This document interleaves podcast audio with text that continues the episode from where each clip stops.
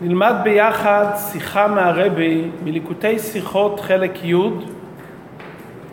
חיי שרה א', עמוד 60.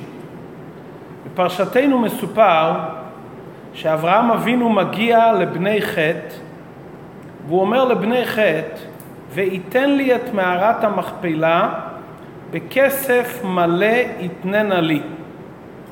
מסביר רש"י, בכסף מלא אשלם כל שוויה. וכן דוד אמר לארוונה בכסף מלא. מסביר רש"י שאברהם אבינו רצה לשלם על מערת המכפלה כסף מלא, כל השווי. רש"י מביא ראיה מדוד המלך, מסופר בשמואל ב' וכן בדברי הימים, שלאחר שהיה מגיפה בעם ישראל, דוד המלך בא אל גורן ארוונה היבוסי והוא ביקש ממנו לבנות מזבח בגורן שלו. דוד המלך אסף כסף מכל שבטי ישראל כדי לקנות את הגורן של ארוונה היבוסי, שזה בעצם היה המקום של המקדש והמקום שעליו צריך להיות המזבח. שארוונה רואה שהמלך מגיע, שואל את המלך מה באת? אומר לו דוד לקנות ממך את הגורן, לבנות מזבח להשם ותעצר המגיפה מעל העם. באותו זמן היה מגיפה קשה של דבר. ויאמר ארוונה אל דוד, ייקח ויעל אדוני המלך הטוב בעיניו. תיקח את הכל בבקשה בחינם. אומר לו דוד המלך לא, כי קנו אקנה מאיתך במחיר ולא אעלה להשם אלוקיי עולות חינם. לא, אני רוצה לקנות ממך את זה במחיר ולא חינם, אני לא מוכן להקריב קורבנות בחינם. ויקן דוד את הגורן ואת הבקר, ובנו שם מזבח להשם, והוא העלה עולות ושלמים, והשם שמע לקורבנות עם ישראל ולדוד המלך, ותעצר המגיפה מעל ישראל. עד כאן מה שמסופר בדוד. אומר רש"י, גם בדוד אנחנו רואים שדוד אמר לארוונה, אני רוצה בכסף מלא. עד כאן דברי רש"י. שואל הרבה, מה רש"י כאן מדגיש שהכוונה בכסף מלא כל שוויה? איזה משמעות אחרת יכולה להיות למילים בכסף מלא שרש"י צריך לבוא ולבאר שהכוונה כל שוויה? רש"י מביא ראיה מדוד המלך, שאצל דוד המלך נאמר אותו לשון בכסף מלא. מה הראיה מדוד המלך? גם שם כתוב את אותו לשון שכתוב אצלנו. איך אני מבין מהמילה בכסף מלא שהכוונה כל שוויה? היה אפשר לבאר שרש"י רוצה להביא ראיה, חבר, כלומר להראות עוד פעם במקראות את הלשון כסף מלא. כי לכאורה הלשון מלא לא מתאים בשייכות לכסף. מלא, הפכו זה ריק. אומרים כלי מלא, כלי ריק. כד מלא, כמו שכתוב אצל רבקה, או הבור ריק, כמו אצל יוסף. בכסף מתאים יותר לומר חסר או שלם, מעט או רב. הלשון מלא לא מתאים בכסף. אומר רש"י, נכון, אבל תדע שמצאתי לצמד מילים הללו חבר, גם אצל דוד המלך נאמר בפסוק שדוד אמר לארוונה בכסף מלא. כלומר, רש"י רוצה להוכיח שדרך המקראות לומר גם על כסף מלא במשמעות של שלם. אבל אם זה כוונתו של רש"י, להביא ראיה מדוד המלך, שהמושג מלא שייך גם למושג שווי בשלימות, רש"י היה צריך לקצר ולומר, וכן בדוד. מכיוון שכל הכוונה של רש"י להודיע שיש חבר ללשון כסף מלא, הוא לא רוצה להסביר מה הפירוש כסף מלא. הוא רק רוצה לומר, תדע, מצאתי עוד מקום בנח שמובא כסף מלא בלשון מלא, למרות שלכאורה מתאים יותר הלשון שלם, רב, רש"י היה צריך להשמיט. דוד אמר לארוונה בכסף מלא השלם כל שוויה, רש"י היה צריך לומר בקצרה, מצאתי לו חבר שדוד גם השתמש במינוח כסף מלא. רש"י אומר, וכן דוד אמר לארוונה בכסף מלא. זאת אומרת, רואים שרש"י רוצה להביא מדוד איזה ראייה יותר עמוקה, ולא רק לומר שמצאנו את הלשון הזה אצל דוד המלך. ובכלל, מכיוון שרש"י רוצה להביא ראייה מה הפירוש בכסף מלא, הוא יכל או להשמיט בכלל את המילים השלם כל שוויה, כי הוא רק רוצה לומר מה הפירוש כסף מלא. הנה מצאנו מלא ביחס לכסף, או לומר השלם שוויה. דוד אמר לארוונה השלם כל שוויה.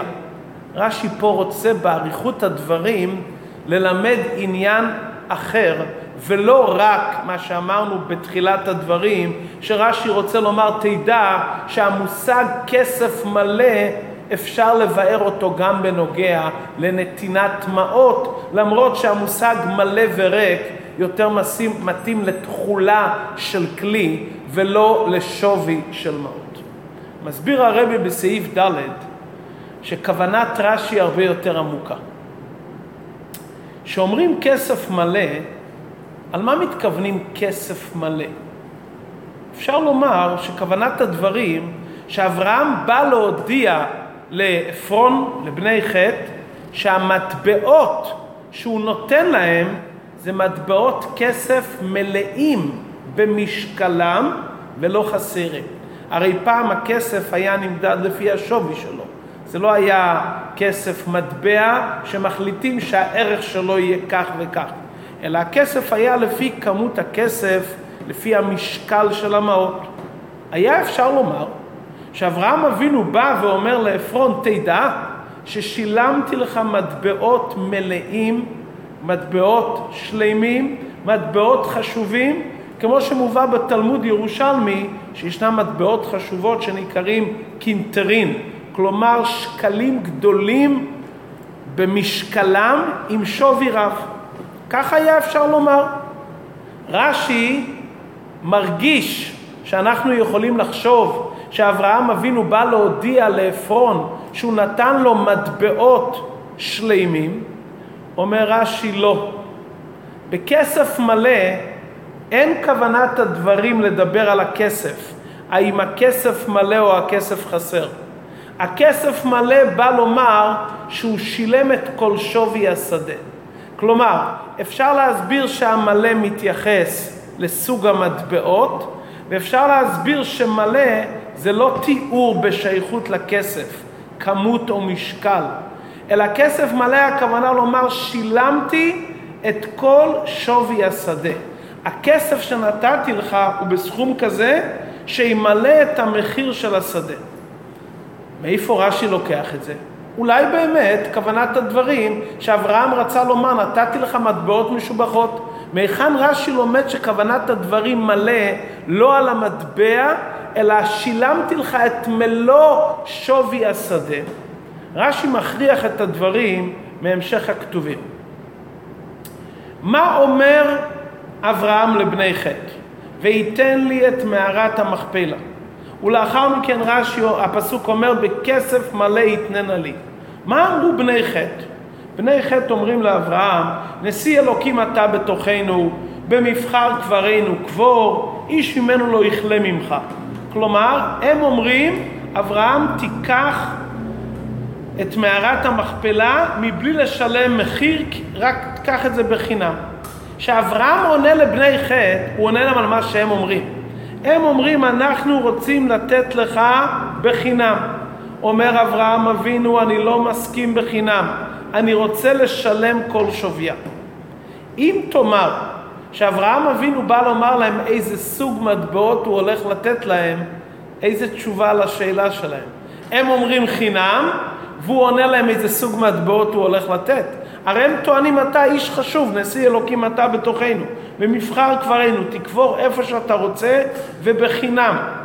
עונה להם אברהם, לא, אני לא רוצה את שום מקום בשדה, אני רוצה דווקא את מערת המכפלה ואני רוצה לשלם עליה בכסף מלא. כלומר, אברהם אבינו מתייחס לטענה של בני חטא, ולכן רש"י לא מסתפק במילים כל שוויה. הוא אומר, אשלם כל שוויה. תדעו שאני מתעקש לא לקבל את זה כמתנת חינם. אני רוצה לשלם על זה. אומר רש"י, אם כך, מה הכוונה כסף מלא? זה לא סוג המטבעות, צורת המטבעות. הוא עונה להם, אתם אומרים חינם בשום פנים ואופן. אני משלם כל שוויה. נכון, אפשר לדחוק ולומר, כמו שהרב ממשיך בסעיף ה', שהוא ענה להם, אני אתן לכם מטבעות מאוד משובחות. ובדרך ממילא, אם הוא אומר להם שאני אתן להם מטבעות מאוד משובחות, הכי יקרים והכי גדולים, מובן שהוא לא מתפשר על חינם, כביכול בכלל מתי יימנה. אבל רש"י לא מוכן לקבל את זה. שאברהם אומר להם, אני אתן לכם סוג מטבעות מאוד מיוחד, ותבינו לבד שעל חינם בכלל לא מדובר. כלומר שאברהם אבינו שלל את טענתם בטענה יותר גדולה. אתם רוצים חינם? מה פתאום? אני אתן לכם מטבעות מלאים, גדולים וחשובים. מדוע? רש"י על זה מביא ראיה מדוד המלך. על השאלה הזאת, שאולי נדחוק ונאמר שהכסף מלא משמעותו רחבה, לא רק לשלם, אלא לשלם מטבעות שלמים, שלמות, גדולים, ובדרך אלה תבינו שאני מסרב לקחת בחינם. אומר רש"י, וכן דוד אמר לארוונה בכסף מלא. רש"י לא מתכוון כאן להביא עוד מקום שתדע שהמילים כסף מלא משמעותו כל שוויה. רש"י רוצה לחזק את הפירוש שהמילים כסף מלא בא לשלול מתנת חינם. המילים בכסף מלא לא בא לשלול איזה סוג מטבעות תקבלו. לא, לא זה מה שאמרתם ולא זה מה שאני עונה. אתם מדברים על חינם. ואני בשום פנים ואופן לא מוכן לקבל מתנת חינם. איפה רש"י מביא על זה ראייה? מדברי הימים. דוד המלך בא לגורן של ארוונה והוא אומר לארוונה בכסף מלא. מה דוד המלך מנמק? מה קראנו עכשיו מהפסוקים? מה דוד המלך מנמק לארוונה? הוא אומר, ויאמר המלך דוד לארנן, לא כי קנו אקנה בכסף מלא, והוא מנמק מדוע. כי לא אשא אשר לך להשם והעלות עולה חינם. אני לא מוכן לקחת ממך משהו ולהעלות קורבנות על מקום שקיבלתי בחינם, בשום פנים ואופן. אם כן, מה אנחנו רואים? שדוד המלך מנמק, אני לא מוכן לקבל מתנת חינם. אם כן, אנחנו רואים שהמילה בכסף מלא מדבר בשייכות למתנת חינם, בשום פנים ואופן, וכפי שמסופר בנח, שדוד המלך אסף כסף מכל ישראל וקנה את אותו גורן ובנה שם את המזבח. אומר רש"י, כמו שמדוד המלך מוכח שהוא לא מוכן להעלות עולות חינם, וזה מפורש בכתוב שזה הנימוק שהוא משלם, כמו כן אברהם אבינו, גם הוא לא מוכן בשום פנים ואופן בחינם ולכן רש"י אומר, וכן דוד אמר לארוונה, כמו ששם דוד נימק ואמר, אני לא מוכן לקבל חינם, מזה רש"י מבין ומוכיח שגם כאן כוונת הדברים זה לא סוג המטבעות, אלא כוונת הדברים אני לא מוכן בחינם, אני רוצה לשלם את כל שווי השדה. ממשיך הרבי בסעיף ו' ואומר שיש כאן עומק יותר בזה. בזה שדוד, בזה שרש"י הביא את דוד וארוונה. רש"י אומר, וכן דוד אמר לארוונה. בואו ננסה להבין מה היה שם בדיוק עם דוד וארוונה. ולמה דוד המלך באמת התעקש לשלם על הגורן ולגבות מכל שבטי ישראל. בהקדים, שאלה שהייתה צריכה להישאל בפשטות. למי שייכת ארץ ישראל? לעם ישראל, לאברהם אבינו. הקדוש ברוך הוא נתן את ארץ ישראל לאברהם, ברית בין הבתרים. אברהם אומר לבני חטא, תדעו, אם לא תסכימו למכור לי את זה, תדעו שאני אקח את זה מן הדין. למה מן הדין? הקדוש ברוך הוא הבטיח לי, לזרעך אתן את הארץ. אבל אני רוצה שתמכרו לי את הדברים. ממה נפשך? אברהם אבינו, אני לא מבין. אם הקדוש ברוך הוא אמר לך שארץ ישראל שלך, אז מה אתה הולך לקנות? מה, אתה מערער על זה חס ושלום? יש פה איזו חלישות בהבטחה האלוקית? הקדוש ברוך הוא אומר לך, לזרעך נתתי את הארץ, ארץ ישראל הוא שלך. והוא אומר להם בפתיחת הדברים, אם לא תסכימו למכור לי, אני אקח איזה מן הדין שהשם אמר לי, לזרעך אתן את הארץ. אומר רש"י, אתם יודעים למה אברהם אבינו התעקש שלמרות שהקדוש ברוך הוא אמר לו שארץ ישראל שייכת אליו, הוא התעקש לשלם מחיר מלא על השדה, זה בדיוק כמו דוד המלך. מה היה אצל דוד המלך? מסופר בנביא, שמואל, שדוד המלך כבש את ירושלים, והוא כבש את כל ירושלים מארוונה המלך. כיבוש. כשאדם כובש מקום, המקום הוא שלו. יש דין כיבוש. דוד המלך בא לארץ ישראל והוא כבש את ירושלים.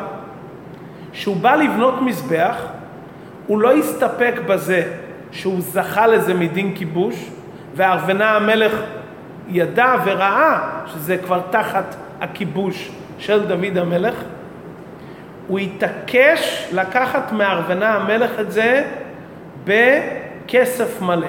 ולמה? אומר דוד המלך, כי לא אשא אשר לך להשם ועלת ועלות תועלה חינם. אם דוד המלך, שימו לב, אם דוד המלך היה לוקח את המקום ובונה עליו מזבח, רק מצד זה שהוא כבש את ירושלים, הוא לא שלל לגמרי את השייכות של ארוונה לגורן. כי כשאתה כובש מישהו, לא ביררת אותו. כשאתה כובש מישהו, לקחת לו משהו.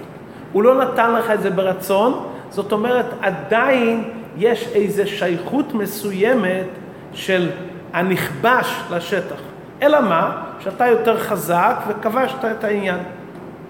זאת אומרת שגם אם הוא יבנה שם מזבח, עדיין זה לא נלקח לחלוטין מארוונה. שלב ב', גם אם ארוונה המלך מוכן לתת לו את הגורן במתנה, עדיין יש איזו שייכות מסוימת. זו מתנה שקיבלתי ממנו. אני כבשתי את המקום, ואחר כך הוא גם נתן לי מתנה. עדיין השם של ארוונה נמצא על המקום. וכשאני מקריב מזבח להשם קורבנות, עדיין השם של המקום קשור איתו ויש לו איזו שייכות. איזו אחיזה וזכות. ודוד המלך לא רוצה שיהיה לארוונה המלך שום אחיזה בגורן. שזה יהיה של עם ישראל לגמרי, ושהקורבנות שיעלו לשמה לא יעלו בזכות ארוונה כי כבשו ממנו, או בזכות זה שהוא נתן את זה במתנה. זאת אומרת, אז לקורבן יש איזו שייכות גם לצד שכנגד. אומר דוד המלך וארוונה, נכון שכבשתי, נכון שאתה רוצה לתת לי מתנה, אני לא מוכן. אני רוצה לשלם את כל השווי כדי לסלק כל זכות שלך מכל וכל בקרקע, שלא יהיה לך שום אחיזה ושייכות למזבח ולקורבנות שעם ישראל מקריבים. אותו דבר גם אברהם אבינו. אברהם אבינו אומר לבני חטא, אומר, אני לא מוכן שיהיה לכם איזה זכות במערת המכפלה. אתם זוכים לארח את אדם וחווה, את אברהם ושרה, את האבות והאימהות הקדושים, שגם לכם יהיה איזה זכות בזה? בשום פנים ואופן. נכון שהקדוש ברוך הוא נתן לי את הארץ במתנה, ואמר לי לזרעך אתן את הארץ. ונכון שאתם מוכנים לתת לי את זה בחינם. אני לא מוכן לקחת את זה, למרות שמן הדין זה שלי. אני רוצה בפירוש שלכם לא יהיה שום אחיזה, ולכן אני לא מוכן לקחת בחינם במתנת חינם, למרות שמצד הדין מתנה היא כמכר.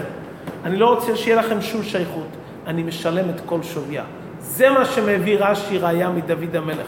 את אותו נקודה שצד הקדושה לא מוכן להיות תלוי בצד הקליפה.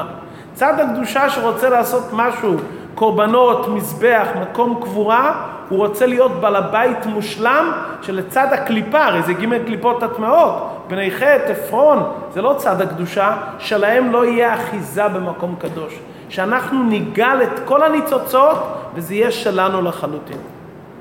מסביר הרבה בהמשך השיחה בסעיף ז', שלפי ההסבר הזה מתיישב גם משהו בחלק ההלכה שבתורה.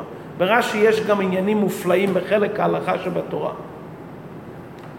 חז"ל אומרים במסכת קידושין, מהיכן לומדים שאפשר לקנות קרקע בכסף?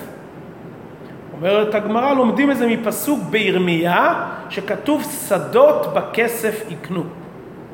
שואל תוספות, אחד, על, ה, על המקום, למה לא מובא את, הפ, את הפסוק בעפרון, שאברהם קנה את השדה בכסף מעפרון? הנה, יש לך ראייה ששדה נקנית בכסף. למה צריך להביא ראייה מפסוק בירמיהו, שדות בכסף יקנה, יקנו? אומרים תוספות, אם הגמרא הייתה מביאה ראייה מאברהם ועפרון, היינו אומרים, אולי קרקע נקנית בכסף רק אם המוכר הוא נוכרי.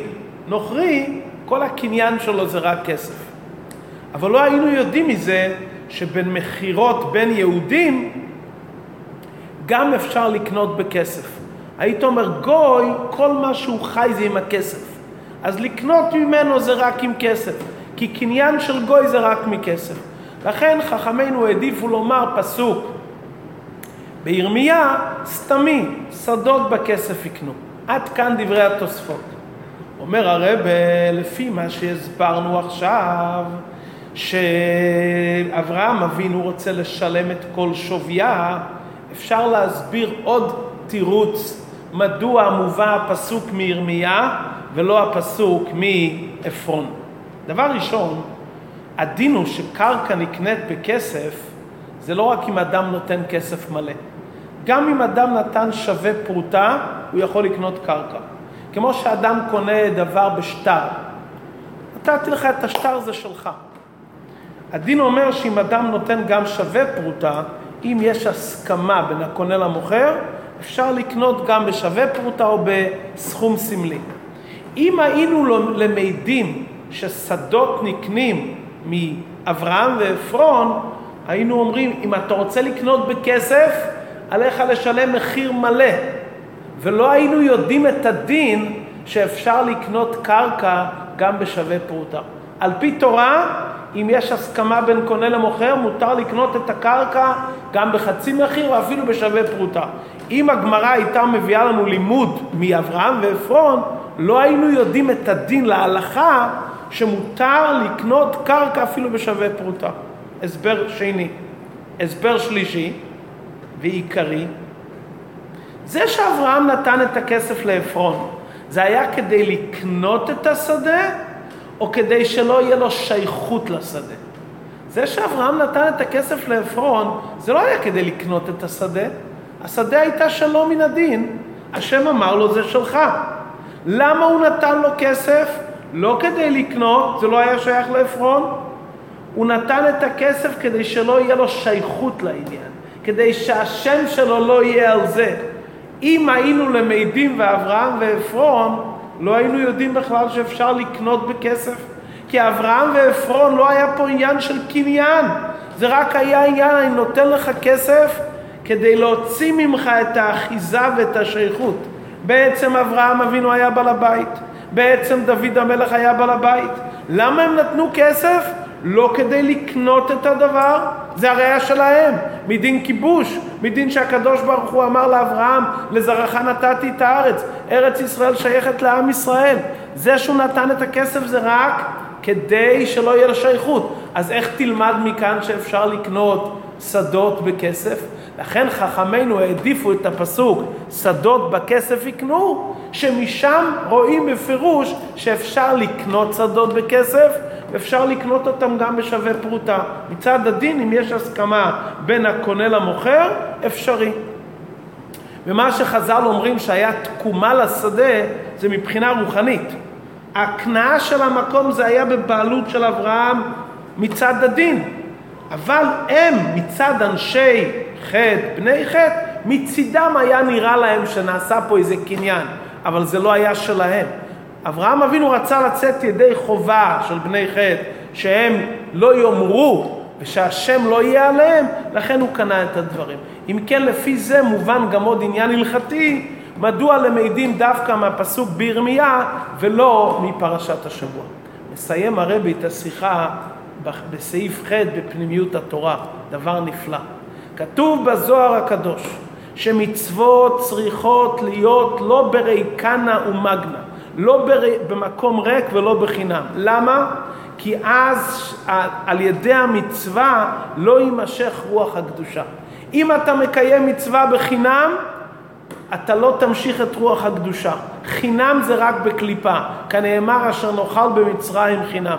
בקדושה צריכים להשתדל כדייאות כפום חילה.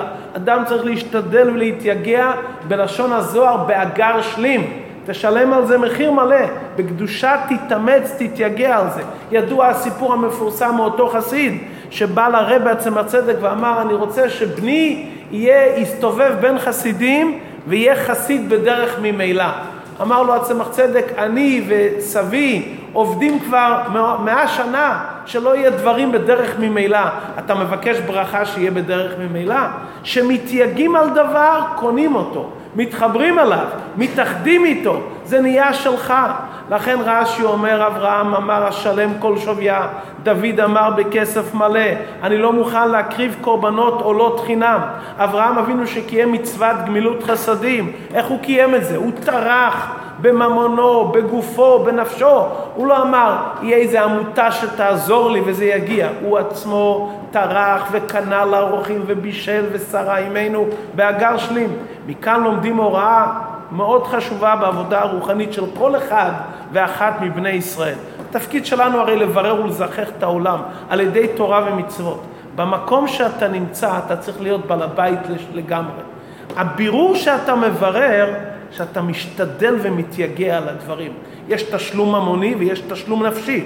אבל אתה מתייגע על הדברים. כשאתה מתייגע ואתה עובד ואתה משתדל ואתה לא מוכן דברים בקלות ובחינם, אז אתה מברר את הדבר. אז אתה נהיה בעל הבית רוחני על הדבר. אם הדברים נעשים בדרך ממילא, בקלות, על הדרך, אתה לא מברר את הדבר. שאדם לא יאמר בליבו, יש לי כישרונות טובים, השם נתן לי הבנה, אני מבין את התורה בקלות במתנה. מצוות אני מקיים בקלות. הנפש הבעמית, היצר הרע, לא מעלימים עליי. אני לא צריך לעבוד בעבודת השם, אני לא צריך להתייגע בעבודת השם, זה לא קשור איתי. אני התברכתי בכישרונות טובים, התברכתי ברוך השם שהכל זורם אצלי בקלות, מה אני צריך להתייגע? על זה לומדים מפרשתנו, מאברהם אבינו היהודי הראשון, מדוד מלך משיח, דוד מלכה משיחה. הם לא הסכימו בשום פנים ואופן לקבל בחינם גם מה שהיה שלהם, גם את החלק שהיה מגיע להם, איך הוא לקבל את זה בנקל? הם רצו לשלם על זה את כל השווי. גם מי שיכול ללמוד תורה ולקיים מצוות בלי עמל ובלי עבודה, הוא צריך לדעת שכדי לברר את עצמו ולברר את החלק שלו, לברר את המוח שלו, שיצא תחת ממשלת הקליפה ויהיה דירה לקדוש ברוך הוא, זה רק מתי שיש השתדלות, עבודה, יגיעה אז אתה מברר את הדברים באופן מושלם, אז אתה מוציא אותם מידי הקליפה. כשיהודי עובד באגר שלי, מתאמץ על מצווה, הוא זוכה ל-400 שקל כסף עובר לסוחר. כתוב בזוהר, זה 400 העולמות הנכספים, הדירה לצדיקים לעולם הבא. מתגלה אליו האור הסובב כל עלמין, לכל אחד ועמך כולם צדיקים. כדי להגיע לאור הסובב לבלי גבול, חייב שיהיה עניין של עבודה ויגיעה. וכשיש עבודה ויגיעה, זוכים להגיע לסובב כל עלמין.